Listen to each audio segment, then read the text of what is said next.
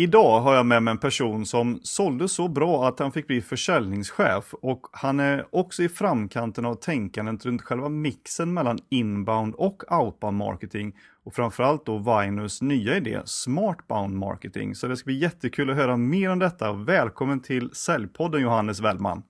Tack så mycket. Trevligt att få vara med. Ja, det är härligt att äntligen ha en finlandssvensk med i Säljpodden. Ja, det, det, är säkert första gången det har hänt. Men det är kul, det är kul att få, uh, få delta och överlag. Jag har märkt att i försäljningsarbete så att vara finlandssvensk är faktiskt en fördel.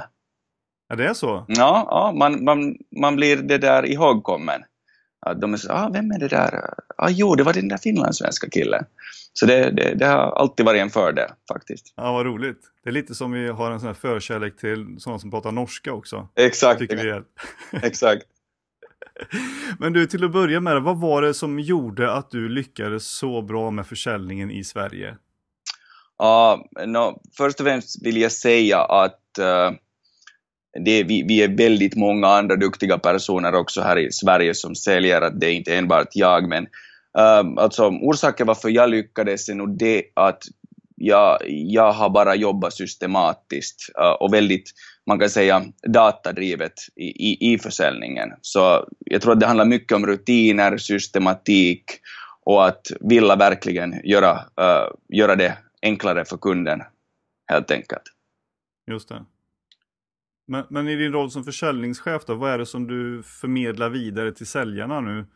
Som du själv har lärt dig så att säga? Ja, jag skulle inte säga att vi, vi har en väldigt platt organisation så jag skulle inte, vi, vi kallar ju inte mig till exempel en försäljningschef utan jag är en teamleader och jag är egentligen en säljare bland de andra. man, kan, man kan tänka sig att det är lite som en hockey, uh, i ett hockey, hockeylag så att man är, uh, Eh, man är då leder själva hockeylaget men är en av spelarna. Så att det handlar mycket om att inspirera och uh, förmedla och motivera uh, liksom känsla. Sen handlar det om att följa upp och se till att alla, alla följer de rutinerna som behövs och ställa vissa krav. Men um, det är lite som att vara då ett hockey, hockeylandslagskapten kan man väl säga. Just det, och själva lagkaptenen för laget där. Exakt. Mm. Sen, sen, sen har vi förstås våra grundare, kan, kan man tänka sig, våra, våra våra allas coachar sen. Men, men hur, hur, kallar man det för, för liksom lite nyare teknikbolag? Det har varit eh, populärt i USA bland annat att kalla sig för chefsevangelist. Mm. Eh, ja, jag, jag, vet, jag vet. Jag, det är kanske min finska bakgrund. Jag tycker att sådana här, såna här termer är lite skojiga, uh, skojiga i sig själva. Att en evangelist skulle jag inte kalla, kalla mig själv åtminstone. Att jag ser mig själv som en, en säljare som vill hjälpa de andra, andra att också bli framgångsrika och så här. Att det är inte desto konstigare. Det, det, det handlar mycket om rutiner och, och se till att bara att alla får den stöd de behöver. Och överlag, alla i vårt team är duktiga, de har blivit valda i teamet för en orsak så de vet, och de vet vad som krävs för att bli framgångsrika. Så man behöver inte vara en chef till dem utan mer ge den stöd som de behöver i sitt arbete. Just det. Har det varit svårt att rekrytera säljare? Ja, det, det är väldigt svårt. I Finland har vi ett så starkt brand så där är det förvånansvärt enkelt. Men här i Sverige och eh, i, uh, eller speciellt här i Sverige av alla, alla våra uh, då, um, fem länder som vi finns i så är det svårt. Det kan handla mycket om att uh, marknaden är ganska het just nu. Uh, säljare är väldigt eftersökt, uh, alltså eftersökta och, och, och, så här. Men det, det, kräver faktiskt mycket arbete att hitta, hitta sån riktigt duktiga personer och såna, sådana som är färdiga att göra det som krävs för att bli framgångsrik. Mm. Absolut.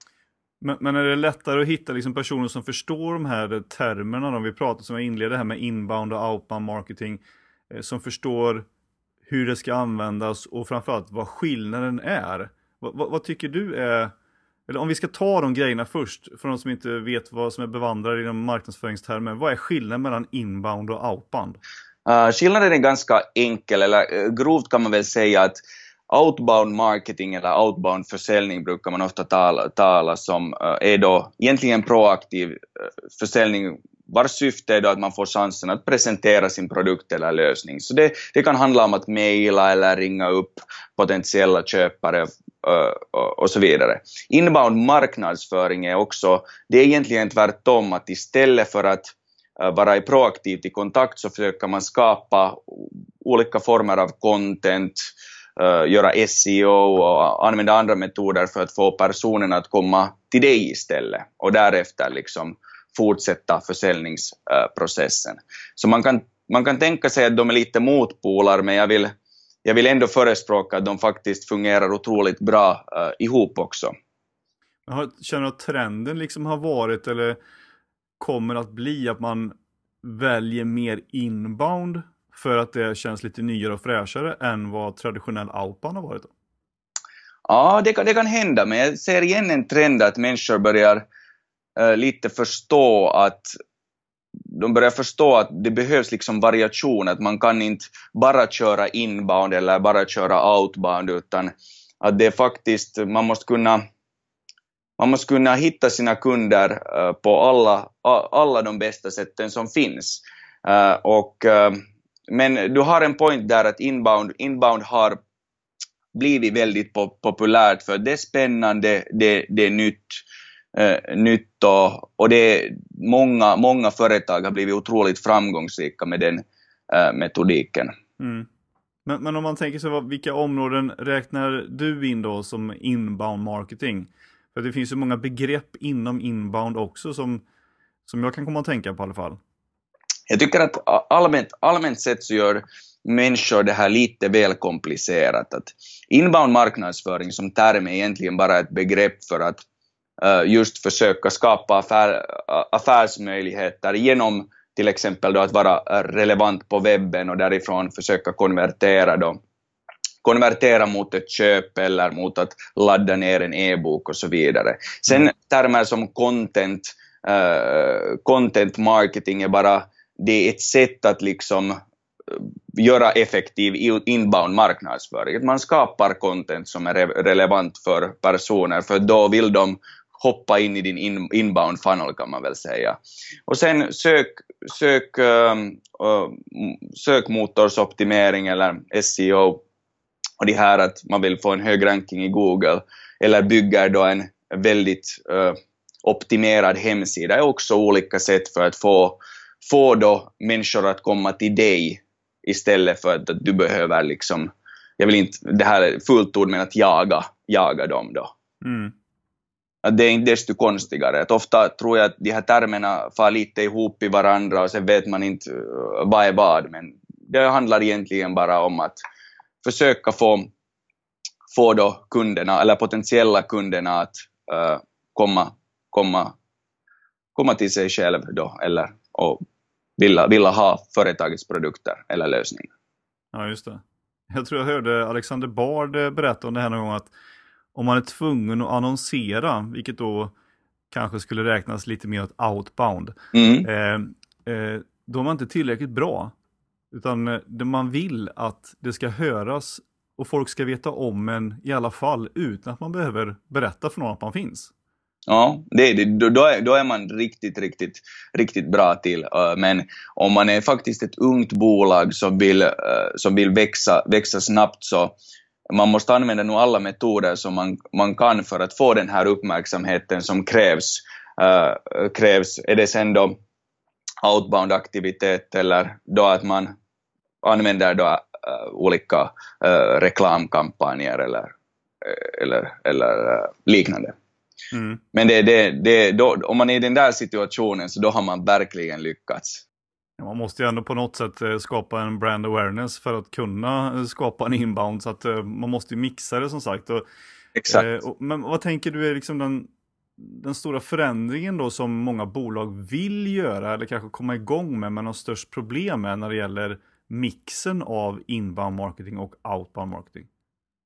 Jag, jag, jag tror att alltså, den största problematiken är det att man ofta vill man tror på någondera. Och sen blir det det här att man har till exempel väldigt effektiv outbound-försäljning, men sen när eh, en, eh, en potentiell köpare vill komma till dig så har du ingen struktur att hur de kommer till dig på bästa sätt.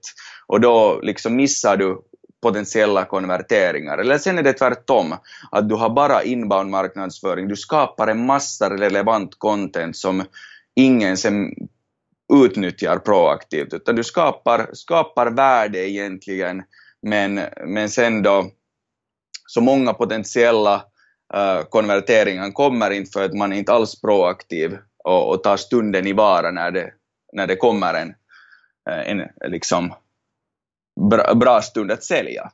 Att, eh, jag tror att största problemen handlar just om det att eh, man, man satsar för mycket på det ena utan att då förstå att det är faktiskt helheten som ofta lyck, äh, räknas. Just det, man, man, har liksom ingen, man satsar bara på en kanal till exempel, eller på ett sätt och tror att det ska lösa hela marknadsmixen. Exakt, exakt. Och det, det, det, är, ju, det är ju lite, det, det är, jag vill inte säga att det är ett dumt sätt att tänka, men det är ett naivt sätt att tänka att nu, nu om vi, om vi bara, bara gör det här ena så det kommer att lösa alla våra problem. Liksom, det, det, det, är ju inte så som det funkar, utan det bästa sättet är faktiskt att enligt mig att tänka att vilka potentiella kunder vill vi ha? Hurdana företag brukar få mest nytta av vår produkt, om vi tänker från B2B-perspektiv. När man har kunnat kartlägga dem så använder man bara egentligen alla metoder man kan för att kunna få, uh, få deras uppmärksamhet. Mm. Är, det, är det den att du mejlar, ring, ringer, men sen vill du också skapa, uh, skapa content och vara närvarande när de googlar och hela den biten för att de ska kunna, och sen när de vill, vill komma till dig så vill du ha eh, på din hemsida så att de kan väldigt enkelt få mera information om din produkt och uh, väldigt enkelt då de ska kunna be att en säljare är i kontakt med dem och, och så vidare. Mm. Så det, köpprocessen ska bli uh, så enkel som möjligt helt enkelt. Ibland så har vi i tidigare avsnitt pratat om, om det här att göra sig köpbar. Uh, och det är mm. kanske är det som är själva förklaringen här som du nyss nämnde, att man, man mixar upp det här och, och har uh, att, att man som kund ska kunna köpa av ett företag eftersom man hittar precis det man söker. Exakt. Och det, det, det, är just, det är just det som det i princip handlar om. Att det, det ska vara så enkelt att, eller de företagen som du vill ha som kund ska ha så enkelt som möjligt att köpa av dig. För att på det sättet så, så kommer det bli, man kommer få en massa nöjda kunder för att man vet att produkten är just anpassad för dem. Och, och man kommer få också en högre konverteringsgrad för att man har lyckats på många sätt vara on top of mind i, i, då när deras behov har kommit upp. Liksom. Mm. Ja, Google har jobbat ganska mycket med det också, att det här med top of mind-grejen, att om jag vill köpa en ny väska och så letar man efter någonting och då kommer det någonting som är i en butik nära dig. Eh, där du är med din GPS eh, i din telefon. Så det är väl också en, eh, olika sätt att nå eh, kunder att kunna köpa det man vill när man just kommer på det.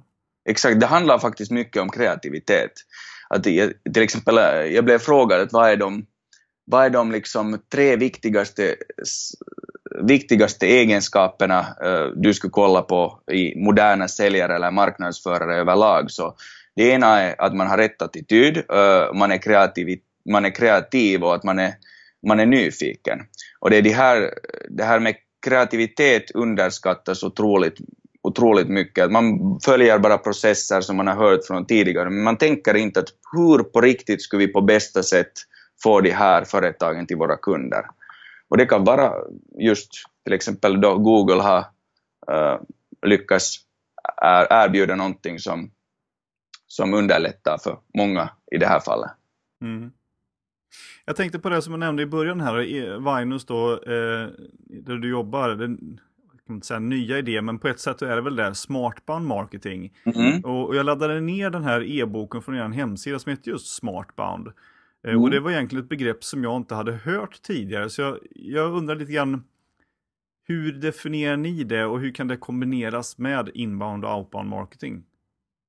Alltså, smartbound definierar vi egentligen att uh, det är egentligen en, dat en kombination av datadriven outbound-försäljning och inbound marknadsföring. Och out, vad, vad, är, vad, vad jag menar med datadriven outbound-försäljning är då inte att man, uh, man tar en telefonkatalog och ringer den från A till Ö, utan man väldigt noggrant kollar vilka specifika företag borde vara våra kunder och sen verkligen gör research för att uh, vara relevant i sitt samtal eller i sitt mail och verkligen försöka vara i kontakt i rätt tidpunkt och vara väldigt professionell då när man tar kontakt. Mm. Då proaktivt. Inbound Inbound handlar, i det här fallet syftar då på att man skapar ett flöde då när man när för, då personer kommer till en, uh, en och vill fråga om då dess produkter så ska det vara otroligt enkelt då att, då att, uh, att köpa och faktiskt få mera information och, uh, i, information om då ens produkt eller lösning. Ett bra exempel är det att om jag skulle kontakta nu ett företag som jag vet att skulle få väldigt uh, mycket nytta av vår egen produkt Vaino, mm. och, och jag gör ett bra intryck överlag, uh, så, så det, det, som blir då i den här persons tanke att okej, okay, han, han verkar som en duktig och engagerad säljare, great, uh, jag behöver inte det här kanske just nu, vi har någon omstrukturering på gång eller, eller så här. Men jag skulle kunna gå och läsa lite mera ändå uh, i LinkedIn och följa dem där. Sen börjar den här personen se i sitt LinkedIn-flöde att hej, det här skapar ju bra, bra content och människor talar om dem överlag och jag skulle kunna ladda de här e-böckerna. Och sen laddar de e-böckerna, läser ännu mer och det bildas hela tiden trust mellan oss. Och sen när den, den här stunden kommer att de börjar fundera på att hur ska vi kunna jobba smartare med vår outbound-försäljning, så då så kommer de och frågar att hej, skulle vi kunna ta ett möte då? De frågar en, gör en demo-request på vår hemsida. Och sen, har vi, sen är det egentligen inbound funnel som har gjort det att vi kommer igen i kontakt med det här, det här potentiella företaget. Och det är just sådana här actions som driver egentligen det att den här inbound funneln fylls på. Sen förstås är vi väldigt aktiva, vi sätter ju, uh, vi har hög ranking i Google överlag på grund av att vi satsar otroligt mycket på de bitarna och vi skapar då givetvis content för att kunna vara relevanta. Mm. Men det här är det som Smartbound handlar om, att kunna använda olika metodiker för att då få ett bra slutresultat, det vill säga både inbound och outbound här. Men, men hur ser det här ut i, i, resten av världen då? För jag tänker att det här är någonting som många av de här snabbväxande bolagen kör med eller? Mm, mm. det är alltså, I USA är det här väldigt vanligt, i ett speciellt techbolag. Uh, så, som jag nämnde, uh, Salesforce, HubSpot och liknande företag, de använder, använder det här sättet att uh, sälja och marknadsföra sig själv.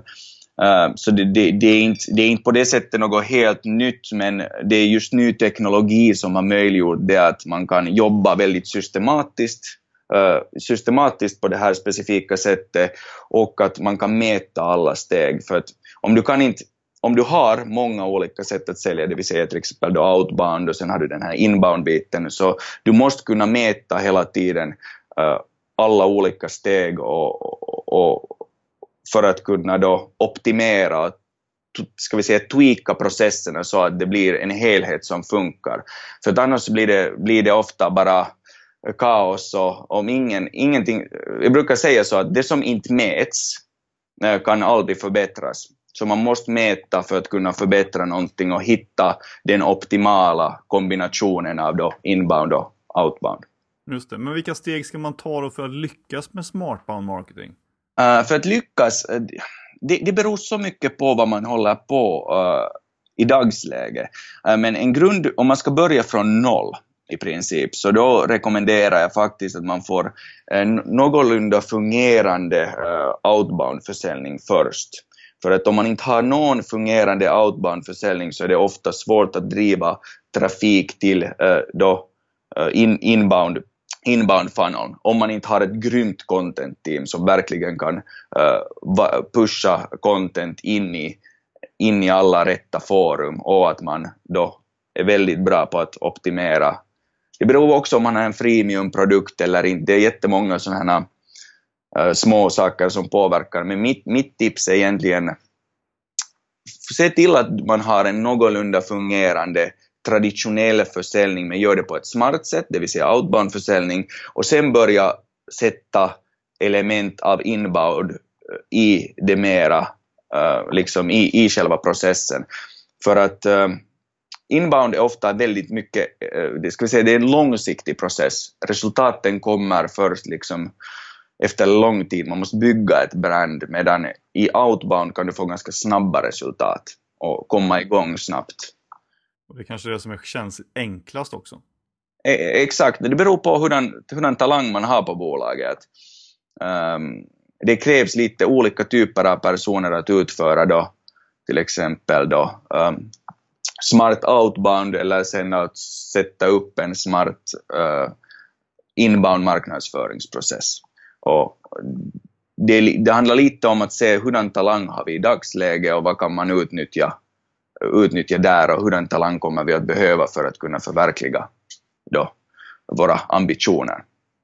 Precis, för Smartplan innebär egentligen inte att man tar bort uh, utesäljare uh, och bara sysslar med content, utan att det, är att det finns en mix för att kunna dra åt bägge håll. Exakt. Vi har väldigt duktiga säljare som då faktiskt är i kontakt med potentiella kunder och, och, och, på det sättet. Och sen har vi ett, ett content marknadsföringsteam vars syfte är att skapa till oss content, att vi ser professionella ut uh, då och är professionella framför våra potentiella eh, kunder. Så vi delar ut uh, den här contenten i olika sociala, sociala mediekanaler och sen fortsätter också content marketing teamet att pusha ut pusha ut informationen i form av e-böcker eh, och, och, så här och se till att newsletter, eh, subscriptions, allt det här funkar. Sen har vi då ett team som jobbar med mark marknadsföringsautomation, det vill säga eh, strukturerar hela det inbound eh, ska vi säga pipelinen på ett effektivt sätt, gör sökordsoptimering, hela tiden maximerar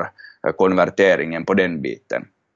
Och på samma sätt har vi då uh, säljledare säljledare här, som till exempel jag, vars syfte är att se till att vi hela tiden tweakar uh, på vår egen outbound-försäljningsprocess för att, för att se till att vi hela tiden gör saker och ting som uh, ger resultat. Och genast då vi märker i någon datapunkt att det här vad vi gör är inte smart så försöker vi liksom kapa av den biten. Och vi märker att något fungerar otroligt bra så till, tillägger vi den i vår egna uh, då, datadrivna outbound-processer. Det handlar mycket om att mäta, tweaka och göra, göra en skalbar process av det hela. Just det. Det låter ju också som att man behöver få lite andra roller på bolag. Mm. Mellan, tätare samarbete också mellan marknad och sälj på det, många företag. Exakt. Det, och det, det är jättebra när jag läser, jag blir så glad när jag läser om att människor snackar om det här att marknad och sälj hamnar samarbeta, samarbeta närmare för att det, det, är liksom A och O om man ska kunna få det här att funka. Liksom. Eh, marknadsförarna måste tänka som säljare, men att de har en inbound funnel och deras jobb är mera långsiktigt, medan säljarna, säljarna har mera kortsiktigt fokus, men de tänker också som marknadsförare och marknadsför sitt eget brand. Och de båda stöder varandra i sitt, i sitt arbete. Och det ska vara ett samspel. Att om de inte kommunicerar, om inte marknad och sälj kommunicerar med varandra, åtminstone i den businessen som vi är i, så det blir bara pannkaka. Att mm. det, det, är verkligen A och O. Jag tänker just med data här, att världen har ju liksom förändrats genom åren här, att från ja, tusentals år sedan, när man, eller tusen år sedan, två tusen år sedan man började, eh, då trodde man ju liksom på teism, att, eh, att det är Gud som löser alla problem åt mm. Från det att man kom på att ja, men det kanske är visst några människor också som löser sig, blir man humanist istället och mm. tänker att de löser det. Men nu är det ju dataism som är eh, på upptåget, att, att det är mm. data som ska ge svaren eh, och kommer också att ge svaren. Jag menar, ser man in, inom sälj så är det mest, alltså vilka data man mätt, jo men det är liksom ja, hur många lyft har du gjort eller hur många möten har du gjort, hur många nya kunder eller hur många avslut mm. har du gjort, antal offerter och sådana grejer. Men när man pratar om datadriven information som kan stötta försäljning, då blir det liksom helt andra möjligheter att hitta rätt leads genom att samla in data. Mm. Och hur tänker du lite grann om det och hur det kan ge för, få för möjligheter för, för företag och säljare? Ja, det finns egentligen tre olika huvuddatakällor som säljare kan använda i sin vardag. Eh, det första är då interna system som CRM och affärssystem och dit kan du logga då uh, dialoger och ordrar och sånt här som du har haft med potentiella nya kunder men också med befintliga kunder. Och det är otroligt viktigt. Du måste kunna, du kan inte komma ihåg all, all dialog som du har haft med dina potentiella befintliga kunder. Det måste sparas någonstans på ett vettigt mm. sätt. Uh, sen finns det den andra typen av data som kan utnyttjas är då beteendedata på till exempel människor. Det handlar mycket om cookies, man följer eh, då, um, försöker följa vad människor gör på en sin egen hemsida och i sociala medier och överlag. Och sen kan man då ha olika verktyg för det här som marketing automation för att strukturera och göra det faktiskt till en datadriven och mätbar process. Så det handlar om beteendedata, det kan utnyttjas då i försäljning för att vara då um, i rätt tidpunkt i kontakt.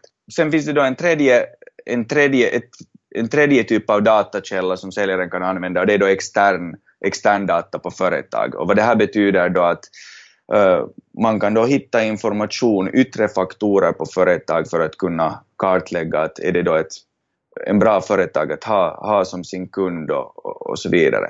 Och, och här finns det då mycket alternativ, sådana traditionella företagsdatabaser som då Bisnode, UC, alla bolag och så vidare, där man kan kolla på bransch och finansiella nyckeltal och så här.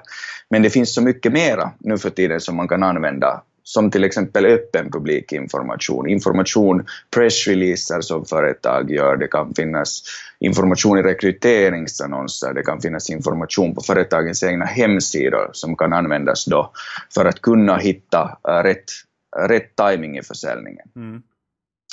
Så det är egentligen två, de tre typerna som äh, säljare kan utnyttja då för att öka sin försäljning. Just det, och ni på Vine är ju liksom med och leder den här utvecklingen kan man väl säga av modern lead-generering genom eh, den mjukvaran som ni har. Så jag tänkte, kan du förklara lite grann hur det funkar med datainsamling så som ni gör det? Exakt. Ehm, först och främst ehm, vill jag, jag går till den biten helt snabbt, med, snabbt men ehm, jag vill lite snacka om själva problematiken först. Det vill mm varför vi byggde Vaino från första början är att vi, vi märkte Två av våra grundare är otroligt, har varit otroligt framgångsrika säljare och de märkte att en av de största utmaningarna i försäljning överlag är, är att och speciellt i outbound-försäljning är att det, prospektering är ineffektivt. Att endera är det så att uh, säljaren har hela ansvaret för sig själv, uh, så uh, försäljaren googlar eller i trappuppgångar tar bilder på liksom log, företagsnamn eller så här, eller sen får man en lista av sin chef, då med bransch eller finansiella nyckeltal och, och chefen säger att ring från A till Ö. Liksom. Mm. Så här har man gjort ganska länge och de sa att det här finns ett problem. Så vad vi då gjorde är att vi, vi, vi började samla information om bolag och vi ville göra det liksom lättillgängligt för våra kunder, att de kan faktiskt hitta rätt företag och en bra, bra anledning att vara i kontakt.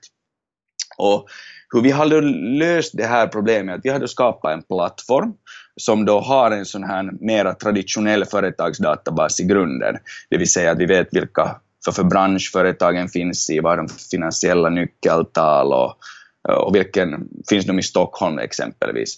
Men det unika med då Vaino är det att vi samlar då eh, en massa information från webben, det vill säga öppen publikinformation. Så vi går igenom eh, företags egna hemsidor på innehåll med hjälp av algoritmer, vi spindlar igenom uh, teknografisk data, så vi läser igenom källkoden, pingar e-mail-servern och för, för, att förstå att jobbar de uh, modernt med sin hemsida och har de olika analytikverktyg i bruk. Men sen går vi också igenom rekryteringssajter, mediasajter, pressreleaser, olika eh, pressrum på företagets egna hemsidor för att hitta insikter om det har en chefsbyten, om företaget gått igenom strukturella förändringar, gjort fusioner, förvärv, kanske expandera, rekrytera en specifik kompetens. Exempel finns väldigt, det finns väldigt många exempel. Men det är det vad vi egentligen gör, har gjort. Och idén är då att en säljare ska väldigt enkelt kunna ta fram faktiskt företag eh, eller då bevaka sina befintliga kunder och hitta saker och ting som gör att eh, det är faktiskt en bra timing att vara i kontakt. Just det. Jag tänker mig att det här borde ju vara en fantastisk möjlighet att, att utöva liksom insiktsförsäljning också om man får väldigt mycket kunskap om bolag. Exakt, det är det som det handlar om. Om man ska klara sig i, dag, dag, dag, alltså i dagsläget med outbound-försäljning så måste man bara man kan inte bara ringa någon och fråga att snackar jag med den här personen, jobbar du på bolag XX, utan du måste verkligen visa att jag vet vad ni håller på med, jag vet vem du är och uh, det, det här är min orsak varför jag tar kontakt och jag vet att det här, det här kan vara aktuellt till dig på grund av X, Y, Z. Och då frågar man en chans att få man diskutera det här vidare. Att om man inte, om man inte har den här informationen så är det otroligt svårt att få chansen att presentera sin lösning eller produkt. Just det, för man blir inte relevant på samma sätt om man, om man ringer upp på det sättet eller försöker ta kontakt med det. Ett oförutsättningslöst möte som man kan se om ibland. Exakt, ett oförutsättningslöst möte. Det, det, det, det, det, är liksom svår, det är ett ganska roligt begrepp i sig för att tid, tid är väldigt värdefullt och speciellt eh, de som ofta är i en position att de kan göra beslut, så deras tid är extra, extra värdefull. Så om man ska be om att få en bit av den tiden så måste man vara otroligt relevant och ha en bra anledning att vara i kontakt. För att om, om de känner att det här är faktiskt relevant för mig just nu, så de tar det mötet gla, gladligen. Men man måste kunna verkligen bevisa det ganska snabbt att det här är någonting som är intressant. Precis. Jag tänker att bara att man har läst ett pressmeddelande om någonting nytt eh, som de precis har släppt ut. Eh, om man filtrerar ner på det som man antar man kan göra i, i systemet och, och mm. använder det som en ingång så är det betydligt mer relevant eh, än att bara fråga hej, eh, vill ni ha det här? Exakt, exakt. Det, det, om man är ett rekryterings och bemanningsbolag, om ett företag expanderar till exempel till en ny stad, uh, ny stad och så vidare och de skriver om det öppet, vi ska öppna kontor i Göteborg uh, från och med 2000, januari 2018 att jättekul, vi är taggade. Så det här kan vara en otroligt bra anledning att vara i kontakt om man är expert på att bemanna, uh, bemanna just uh, den typen av kompetens som det här bolaget kan behöva mm. i sin expansion. Och, och liksom, eller ett väldigt, det simplaste exemplet som jag brukar uh, presentera är att om jag säljer kaffemaskiner, så den bästa tidpunkten att faktiskt vara proaktivt i kontakt med ett företag då är i det skedet när de håller på att flytta eller öppnar ett nytt kontor. Mm. Att det är då kaffemaskiner är med, högst, med största sannolikhet on top of mind. Mm. Då, då man nämner det att jag har faktiskt läst att ni ska flytta, så jag tänkte att det här skulle kunna vara en liksom, bra, bra grej att nu diskutera. Precis. Och då blir det ju Exakt. relevant och det tillför kanske viss värde också som säljare att, att, att man kommer med insikter och eh, möjligtvis utmaningar också beroende på vad det är. Eh, beroende på vad man har lärt sig om bolaget innan sin prospektering. Exakt. Ja. Jag menar, om jag skulle få ett sånt samtal var någon har på riktigt gjort, verkar göra ett ordentligt grundligt arbete eh, och, och vill verkligen uh, ha, ha min tid uh, och, och så här så det är mycket större sannolikhet att jag, jag då tar möte med personen och om den är faktiskt proffsig och verkligen har en bra anledning varför den är i kontakt med mig och inte bara frågar min tid utan, utan orsak.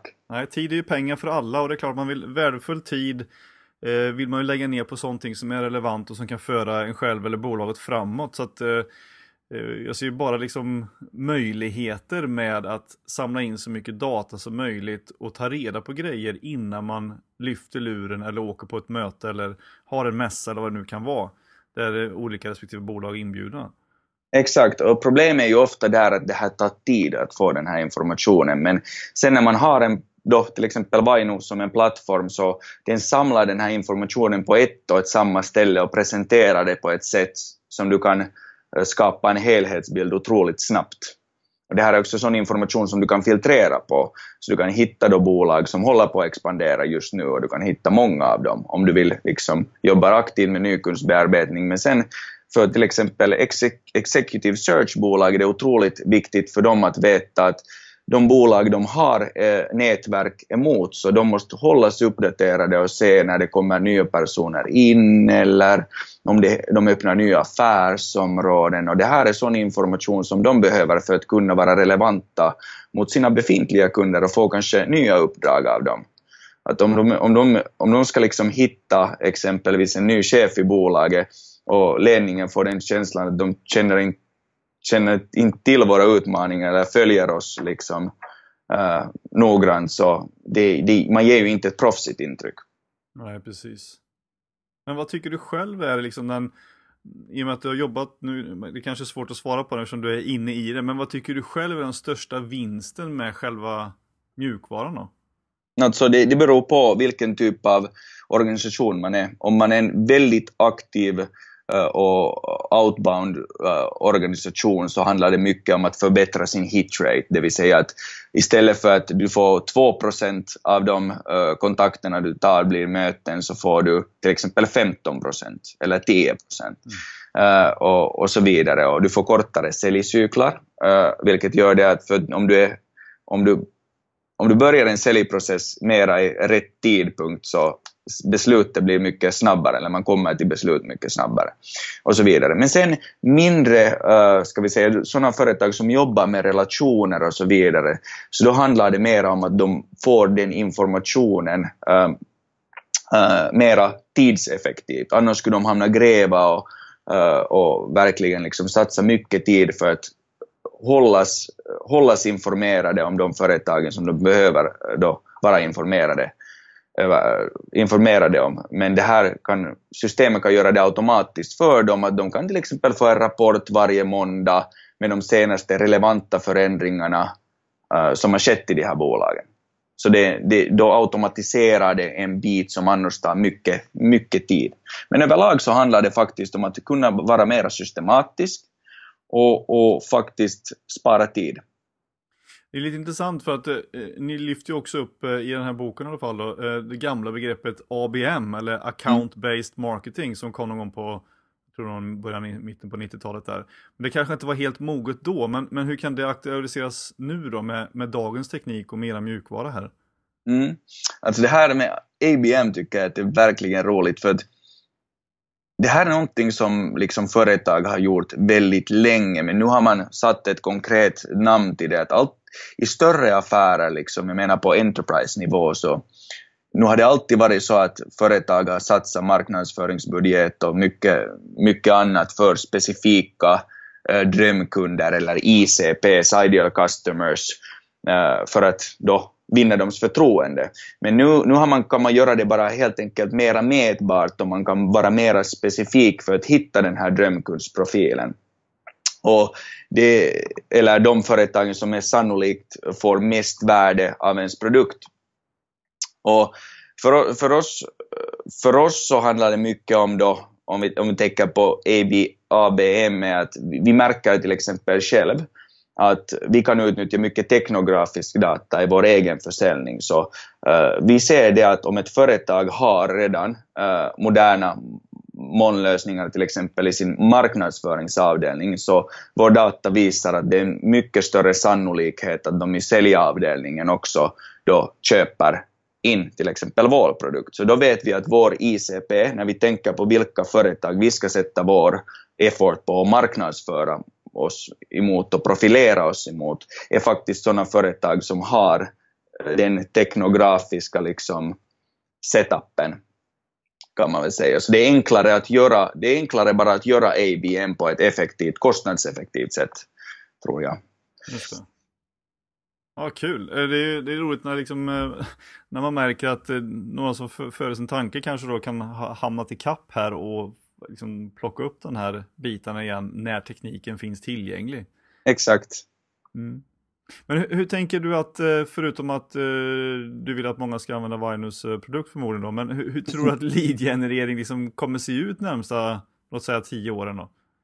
Alltså det är väldigt svårt att säga. Uh, jag tror att lead-generering överlag kommer vara mera, mera ett allmänt begrepp, men om vi tänker på, på sälj och marknad, uh, marknad överlag, så tror jag att vissa vissa sådana här säljroller som uh, ordermottagare eller sådana kommer faktiskt för, försvinna för det på grund av lead-genereringsteknologin så kommer utbud och efterfrågan mötas mycket snabbare än tidigare. Mm. Och de här teknologierna gör också det att den här administrativa, administrativa processen som kopplas med då, uh, utbud och efterfrågan blir då mindre, eller den blir mindre och försvinner uh, till slut till en stor del.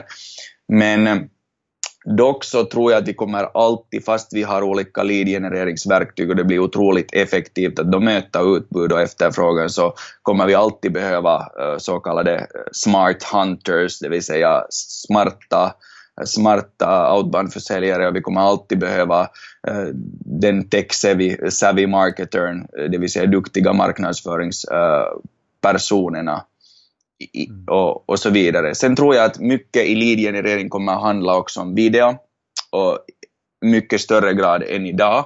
Och det kan även handla om olika VR-upplevelser uh, som man då uh, utnyttjar i försäljning och marknadsföring på ett annorlunda sätt än tidigare. Men lead-generering kommer i stor del vara en självklarhet, att jag tror att människor inte människor värdesätter överlag sin tid oftast, eller borde värdesätta åtminstone sin tid så pass mycket att de, de faktiskt förstår att satsa, uh, satsa på sätt att då arbeta mera tidseffektivt i, i försäljning och marknad. Och att det baseras mycket på datainsamling Exakt. också. Ja. Exakt, och jobba mera systematiskt. Mm. Coolt.